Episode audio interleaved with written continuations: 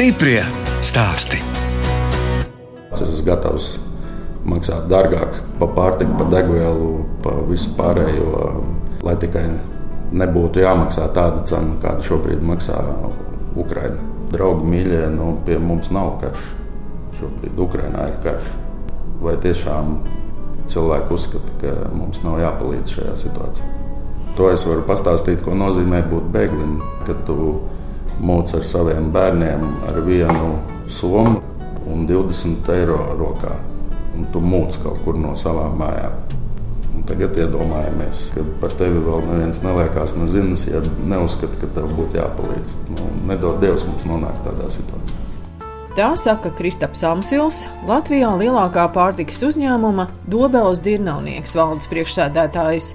Es, žurnāliste Dāna Zalamane, uz Dobeli šoreiz braucu arī tādēļ, ka uzņēmums aktīvi atbalsta Ukraiņas civiliedzīvotājus un armiju, sūtot pārtikas kravas uz Ukrainu, un arī pats uzņēmuma vadītājs pabijas Ukrainas pierobežā. Dobelas dzirnavniekā strādā 350 darbinieki, un pēdējos gados uzņēmums strauji attīstījies, uzsācis jauna produkcijas veida makaronu ražošanu, un kopumā uzņēmumā darbojas jau desmit pārstrādes līnijas. Uzņēmumam ir arī sava koģenerācijas stacija, un tas nozīmē enerģētisko neatkarību.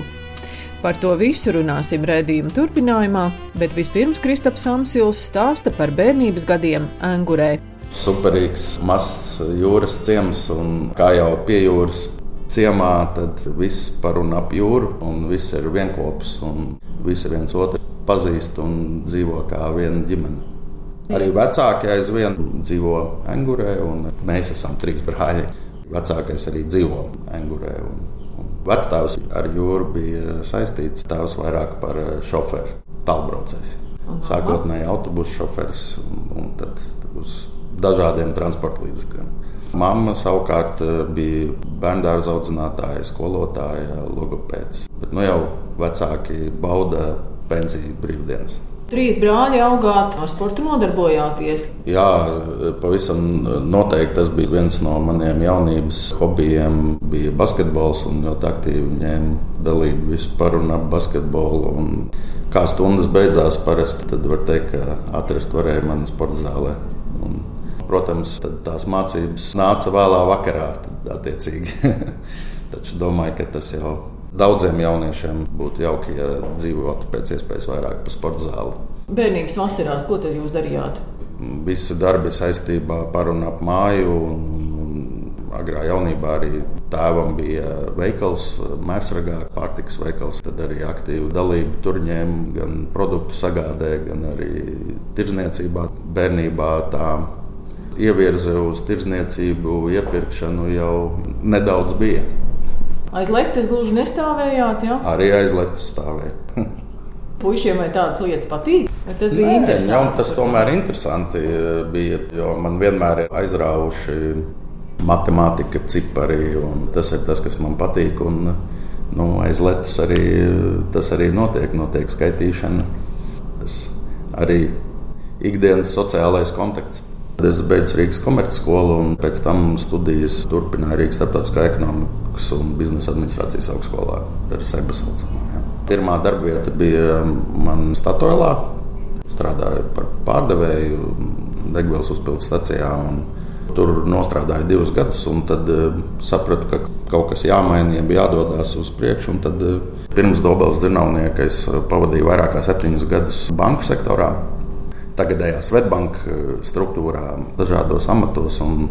Pēdējā mana pozīcija bankā bija lielo ražošanas uzņēmumu nodaļas projektu vadītājs, kur eh, bija sadarbība galvenokārt ar lielākajiem Latvijas ražošanas uzņēmumiem no dažādiem sektoriem. Un viens no maniem klientiem bija arī Dobels Zinātnieks. Tā mums izveidojās laba sadarbība un labs kontakts arī ar, ar akcionāriem. Tad pienāca 2011. gads, kad eh, uzņēmumā Dobels Zinātniekā bija izmaiņas, ja iepriekšējais valsts priekšsēdētājs bija pieņēmis citus izaicinājumus, un tad akcionāri piedāvāja attiecīgi jaunu izaicinājumu arī man. Viegli, protams, ka nebija, jo jauna sfēra principā un īsā laikā ātri jāapgūst tās nozares specifika. Ir tas skats savādāks no bankas un no uzņēmuma puses. Tas secinājums ir viens, ka šeit esot ražošanā, ir skaidrs, ka ir viena lieta, ko tu vari plānot. Teiksim, ja mēs skatāmies bankai, parasti patīk redzēt plānus gadu uz priekšu, varbūt divus gadus, un, un ciparu veidā, kā tas izskatās. Tad, eh, redzot šo visu no praktiskās puses, pavisam noteikti var pateikt, ka gatavojot eh, plānu, jeb redzējumu gadam, diviem, tas ir nepieciešams un vajadzīgs, taču tas noteikti nav tas, uz ko paļauties. Jo tā dinamika un izmaiņas, kas notiek, ir tik krasas mēdz būt un tik uh, lielas, ka šie tavi zīmētie plāni var sabrukt vienā dienā. Stiprie stāstī!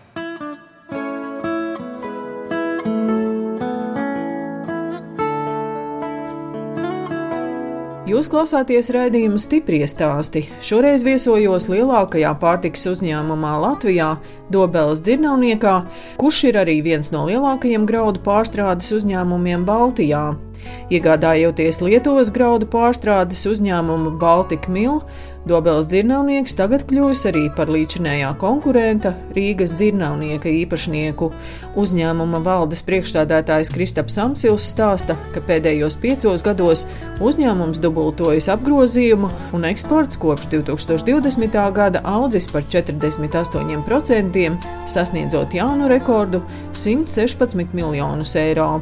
Kā mēs zinām, Latvija jau ir uh, spēcīga pārtiks ražošanā un ir nemitīgi attīstījusies arī.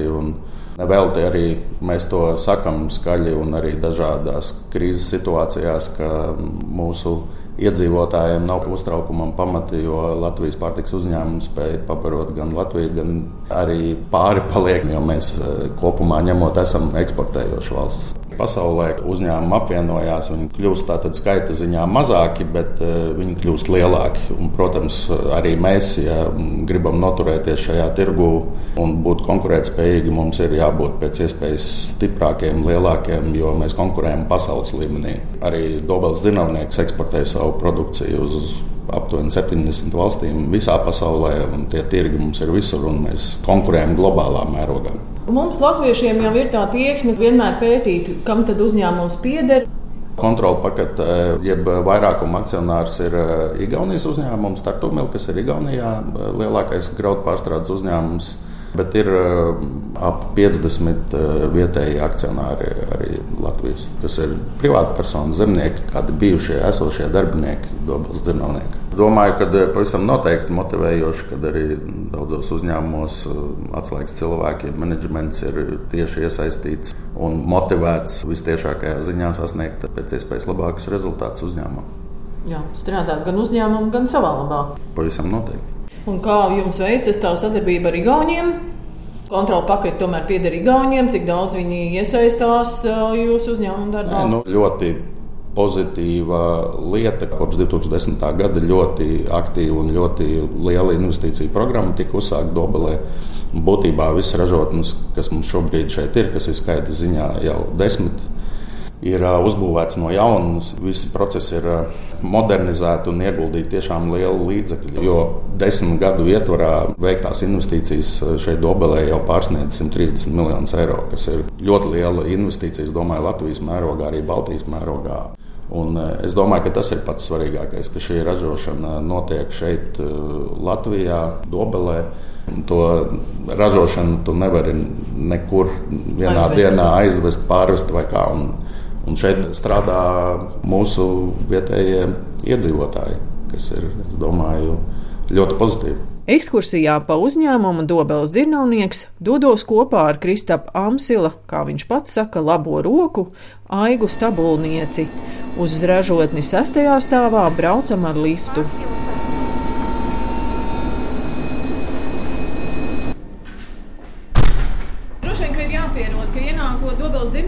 visu laiku ir dzirdams tāds troksnis. Kur notiek ražošana, tur ir troksnis. Jā, nu tā ir tāda ražošanas darba duna. Braucam ar liftu uz kuru stāvu? Šobrīd uz sesto stāvu brauksim. Šobrīd mēs atrodamies inovatīvās pastas ražotnes, kur uh, atrodas mīkls mikseris un uzsākas process makaronu ražotnei. Mēs varam uziet arī augšā apskatīties, kā ir darbojas. Nu, vienīgais viss process ir diezgan noslēgts. Daudz neko redzēt nevar, vai ne? Jā, bet vietām varēs kaut ko arī redzēt.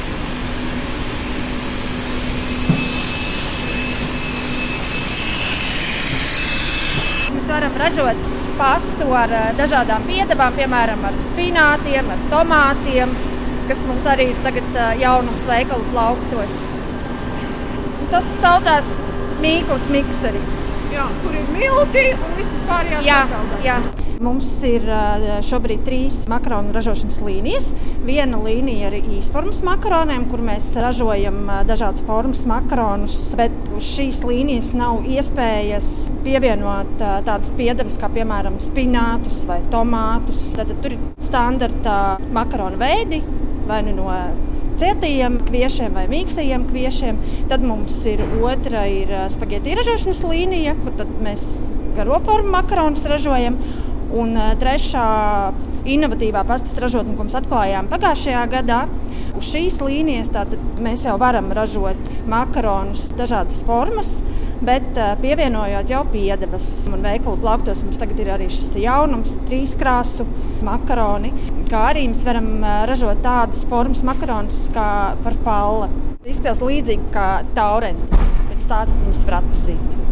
Un otra ražotne, ko mēs šodien apmeklējām, bija arī pagājušajā gadā atklātā bioloģisko graudaugu pārslu ražotne. Un, uh, mēs lepojamies ar to, ka mums ir pilnībā nodalīta no konvencionālo produktu ražošanas šī jaunā līnija. Sākot ar to, ka mēs pieņemam bioloģiskos graudus, uzglabājam atsevišķās tvertnēs, kaltējam, attīram un saražojam garšīgas bioloģiskās graudaugu pārslas. Kristaps Amsils ir Dobelas dzirnavnieka valdes priekšsēdētājs jau 11 gadus, un viņš stāsta, ka lēmums pirms desmit gadiem sākt ražot makaronus bijis loģisks solis uzņēmuma attīstībā. Makaronu ražošanā tiek izmantot tātad milti un ūdens, divas komponentes. Un sapratām, jā, ka šeit reģionā mums tādu lielu, spēcīgu ražotāju nav. Bija viens spēlētājs eh, Baltijas valstīs. Un, uh, saredzējām labas perspektīvas. Un, un šodienas skatu punkts ļoti pareizs strateģisks solis bija, jo esam sev pierādījuši, ka spējam saražot labu kvalitīvu produktu par konkurētspējīgu cenu. Protams, mēs esam veidojuši šīs ražotnes ar skatu uz eksportu. Mums ir ļoti svarīgs vietējais tirgus, un mēs viņu mīlam, lolojam, bet katru investīciju mēs esam vairāk tēmējuši, ka viņa galvenokārt eh, ir vērsta uz eksportu. Mūsu jaudas ir tiešām liels. Tāpat ir makaronu ražotne. Stundas mazākā kapacitāte mums ir 3 tonnas stundā. Ja, tā kā viena partija, lai mēs teiksim, daudz maz efektīvi varētu šo ražošanas procesu nodrošināt, ir nepieciešama nu, vismaz 5 stundu garumā. Dobelas dzirnavniekā ir arī divas dzirnavas, pārslu un sauso miltu maisījumu ražotne, lobarības miltu ražotne un pirms pieciem gadiem izveidota sava koģenerācijas stacija. Šodien varam teikt paldies Dievam, ka mums tāda ir, jo visi ražošanas procesi tiek nodrošināti, ja nepieciešamais siltums un tehnoloģiskais tvaiks, tā skaitā mūsu ražošanas procesos. Visu nodrošinām no savas stacijas, tātad būtībā mēs esam pilnībā pārgājuši no gāzes izmantošanas prom. Tātad ražojam šajā koordinācijas stācijā gan elektrību, gan arī siltumu, un, un esam jā, savā ziņā neatkarīgi. Un ar ko jūs kurinat?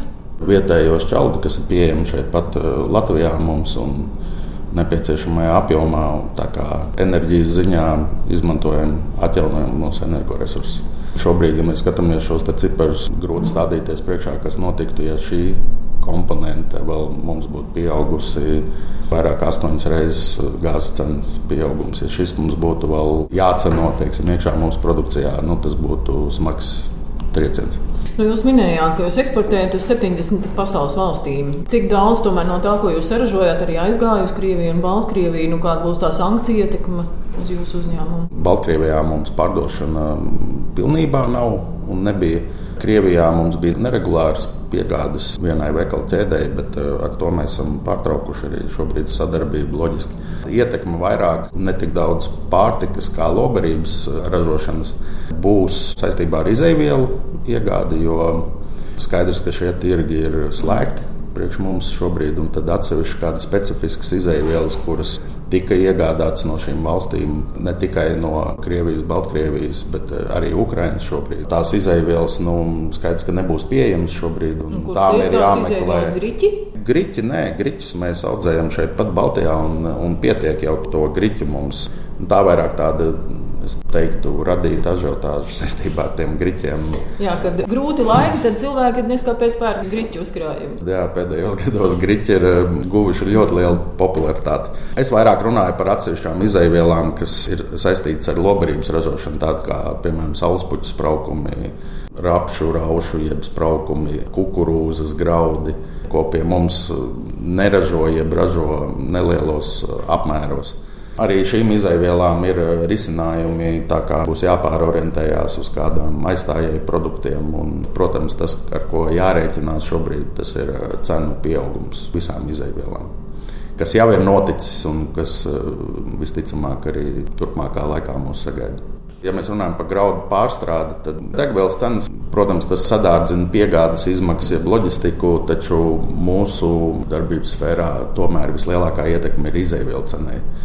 Jo, ja mēs runājam par tiem pašiem miltiem, piemēram, tad no produkta izmaksām 80% vairāk veido graudu izmaksas. Tā kā mēs esam viens pret vienu atkarīgi pret graudu cenām. Kas tagad notiek biržā? Nu, Šobrīd, kopš Krievijas iebrukuma Ukrajinā, ja pirms šī iebrukuma graudu viņas jau bija vēsturiski augstas. Tie bija aptuveni 270, 280 eiro par tonu. Tad šobrīd konkrēti par kviešu cenām es runāju, ir pieauguši līdz 380 eiro. Tātad tie ir um, turpat 40% vēl klāta pie vēsturiski augstajām cenām. Tomēr tās biržas cenas arī svārstās. Nu, beigsies karš Ukrainā, nu, tā cena tomēr slīdēs uz leju.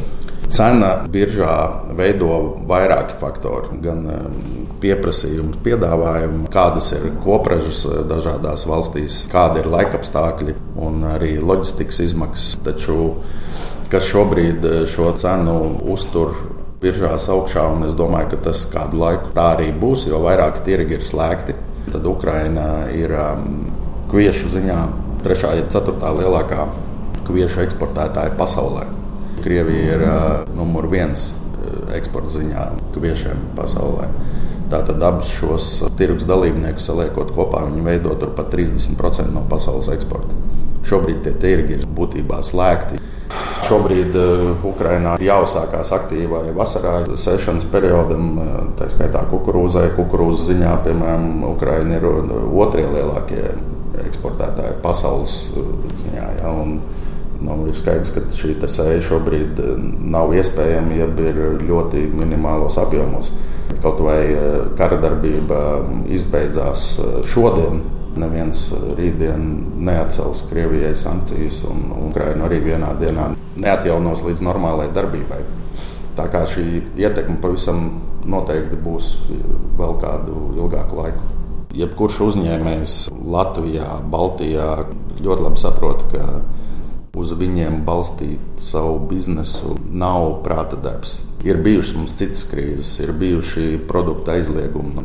Es domāju, ka ļoti lielā mērā uzņēmumi ir diversificējuši savu darbību, ir pārorientējušies uz citiem tirgiem. To pašu, ja mēs skatāmies zivju pārstrādes nozari Latvijā. Man šķiet, neviens vairs tā tieši nav atkarīgs no tā tirgus. Iepriekš tas bija ļoti liels procents, ja visi nozari uz to balstījās. Šobrīd tiešā ietekme ir izaivielu, energoresursu cenas, bet visa ķēde jau nav iegriezusies. To vēl līdz galam tā grūti aptvert visu. Stiprie stāsti!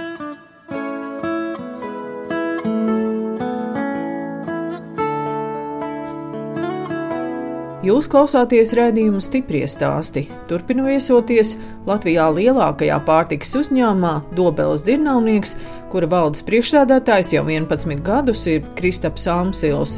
Viņš stāsta, kā uzņēmums atbalsta Ukraiņas iedzīvotājus gan ar pārtikas produktiem, gan citos veidos.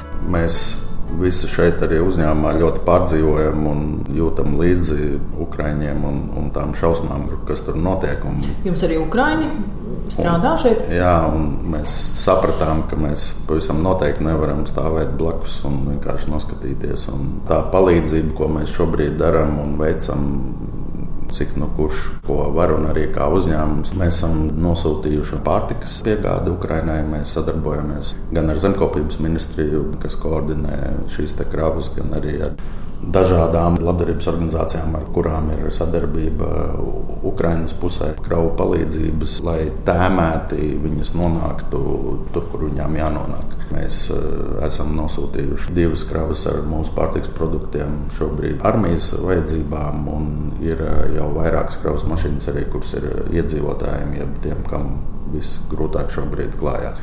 Cik nu tas ir iespējams, jo, protams, šobrīd vislielākais izaicinājums ir šī loģistika un, un piegādes uz šiem karstajiem punktiem, jo šajos karstajos punktos jau arī vislielākās tās krīzes veidojās.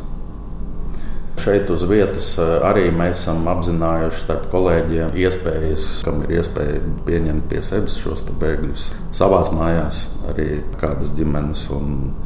Arī eh, pats es esmu bijis arī uz robežas, kur vedām un palīdzējām pēc tam cilvēkiem nokļūt. Arī kolēģi jau vairāk ir bijuši, kur braukuši. Un šobrīd esam savā paspārnē jau pieņēmuši vairāk kā piecas ģimenes, kuras šobrīd mēs mēģinām integrēt dzīvē šeit. Un tur ir dažādi. Tur ir kādam, teiksim, ģimenēm, kuriem vīri strādāja šeit, Dobelē, un, un ģimenes ir atbraukušas. Un, protams, izaicinājums lielākais mums šobrīd ir šis dzīvojamais fonds Dobelē kā tāds, ja pieejamie dzīvokļi. Šobrīd mēs arī apzinām visas iespējas un darbojamies, lai šīs ģimenes maksimāli integrētu pie mums šeit. Jūs arī cenšaties šiem cilvēkiem dot darba vietas? Arī, dzen, protams, jā. Bet kāpēc jūs pats braucāt? Kāpēc jums bija pašam svarīgi aizbraukt līdz robežai?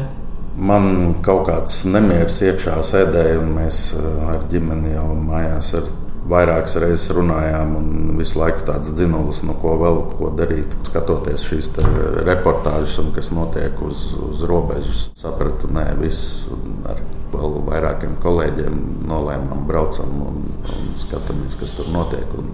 Mēģinām palīdzēt, ko nu varam. Mēs nogādājām Ukraiņas pusē robežā jau arī ar vienu Latvijas organizāciju, kas organizē katru dienu izbrauc no Latvijas no Rīgas vairāk kā 15 automašīnu šo brīvprātīgo, kuri ved līdz robežai produkciju, drēbes, un kuriem ir izveidota jau arī loģistika. Tātad robežas otrā pusē sakrāmē kravas automašīnā, kur atkal dodas tālāk. Tad eh, uz turieni mēs vedām pārtiks produkciju, ko nogādājām, ja pārkrāvām šajā kravas mašīnā, un atpakaļ mēs ņēmām šos bēgļus mašīnās un vedām, kur nu kuram bija tas nepieciešamais galamērķis. Mēs novērojām, ka um, cilvēki lielākoties dodas Varšavas virzienā, kas ir centrālā stacija, un tad vai nu Berlīne vai uz kaut kurien, bet ir arī kas uz Baltiju dodas. Taču arī uz robežas tur tā koordinācija varētu būt uh, labāka, pavisam noteikti. Polijas pusē es domāju, ka tur būtu nepieciešams tāds liels informācijas centrs, kur var iet un operatīvi šī informācijas apmaiņa notiek. Mūsu sabiedrība ir nogurusi no Covid. Tas jau redzams arī ļoti daudzu kolēģu sejās bija, kad tev ir režīms darbs mājas, taču ir jāsaprot, ka no nu, agrāk vai vēlāk tas beigsies, un tie ierobežojumi tagad arī mazinās, un ar aprīli viņu tikpat kā nebūs vairs nekādu. Un, protams, šobrīd ir jauni izaicinājumi mums jā, saistībā ar uh, Ukrajinu. Tas, ko es redzu sociālajos tīklos, tā čīkstēšana jau pamazām tur jā, un kāpēc mums tur pa Ukraiņu bēgļiem tur jārūpējas, un mums pašiem vajag darba vietas. Mani ļoti apbēdina šādi ieraksti. Es ar tādus esmu redzējis, un, ir žēl, ka cilvēki visu reducē tikai uz sevi, man slikti, un neviens nepalīdz. Un, un tā tālāk. Es gribētu teikt, tas tiešām tā nav. Jo tiem cilvēkiem, kuriem ir slikti un kuriem ir kāda veida problēmas, no viņām tiek palīdzēts arī šeit. Pat ir dažādas gan valsts atbalsta programmas, un arī par darba vietām mēs runājam. Nu, arī mums šeit, piemēram, Dobels Zinātnē, jau vairāk kā divus gadus ir vairāk kā 20 vakances brīvas. Jā, un, ja mēs paskatāmies arī tos pašus bezdarba rādītājus, ražošanas sektors jau pēdējos divus gadus bļauj, ka nepietiek darbinieki. Tad, kur ir problēma? Es gribētu teikt, varbūt ir tā, ka cilvēki neizmanto tās iespējas, kādas tiek dotas, jeb kādas ir pieejamas. Kļūstot par Dobelas dzirnavnieka valdes priekšsēdētāju, Kristaps Amsils ar ģimeni no Rīgas pārcēlās uz dzīvi Dobelē, un tagad ar sievu Lanu audzina jau trīs dēlus - Valteru, Krišjāni un Kārli. Mana sieva ir dobelniece, un tā kā Tad no Rīgas ar ģimeni mums lēmumu, pārvākties uz Dobeli bija diezgan viegli pieņemt šo lēmumu.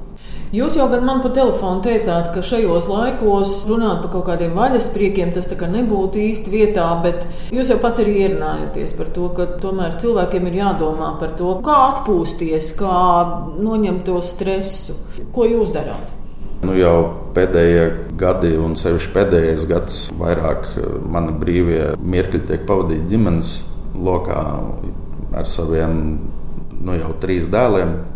Pašam sev tā brīvā laika ir ļoti limitētā apjomā šobrīd. Taču, tad, kad izdodas pa laikam, mans viens no tādiem šī brīža vaļaspriekiem ir izbraucieni ar kvadrciklu.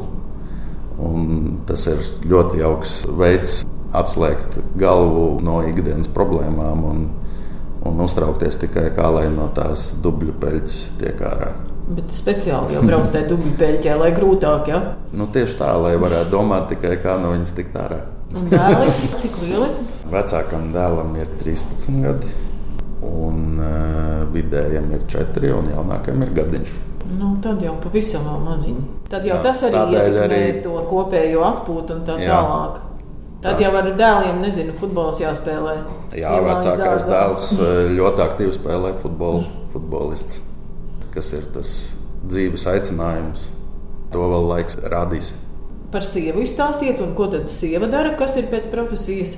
Sieva ir eh, šobrīd liels palīgs mājā par un ap eh, bērniem. Nu jau vairākus eh, gadus, taču iepriekš strādāja izglītības ministrijā.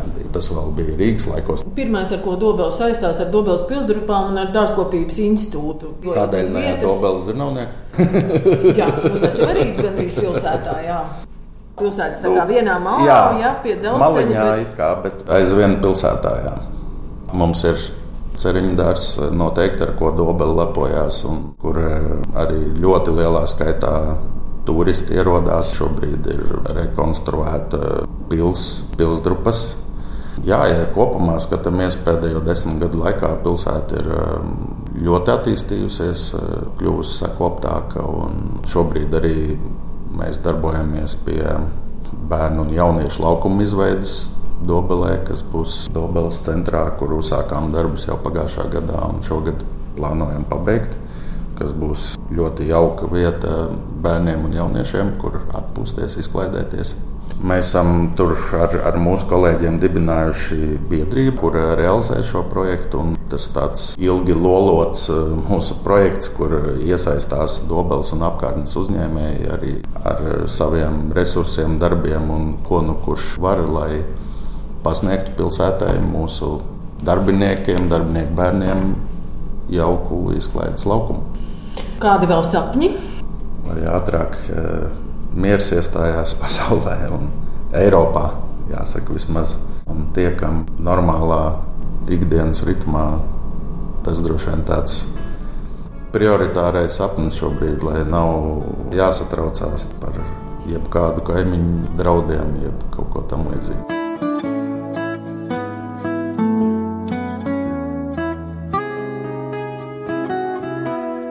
Radījums stipri stāsti izskan, un mēs atvadāmies no Kristapa Amsila, kas 11 gadus ir Latvijā lielākā pārtikas uzņēmuma Dobeles dzirnavnieks valdes priekšsēdētājs.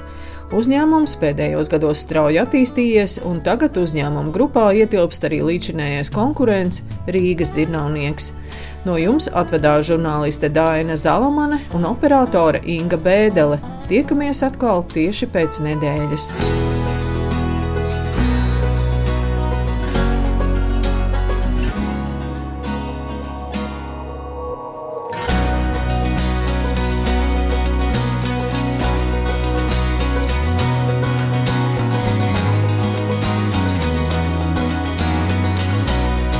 Stiprie stāsti.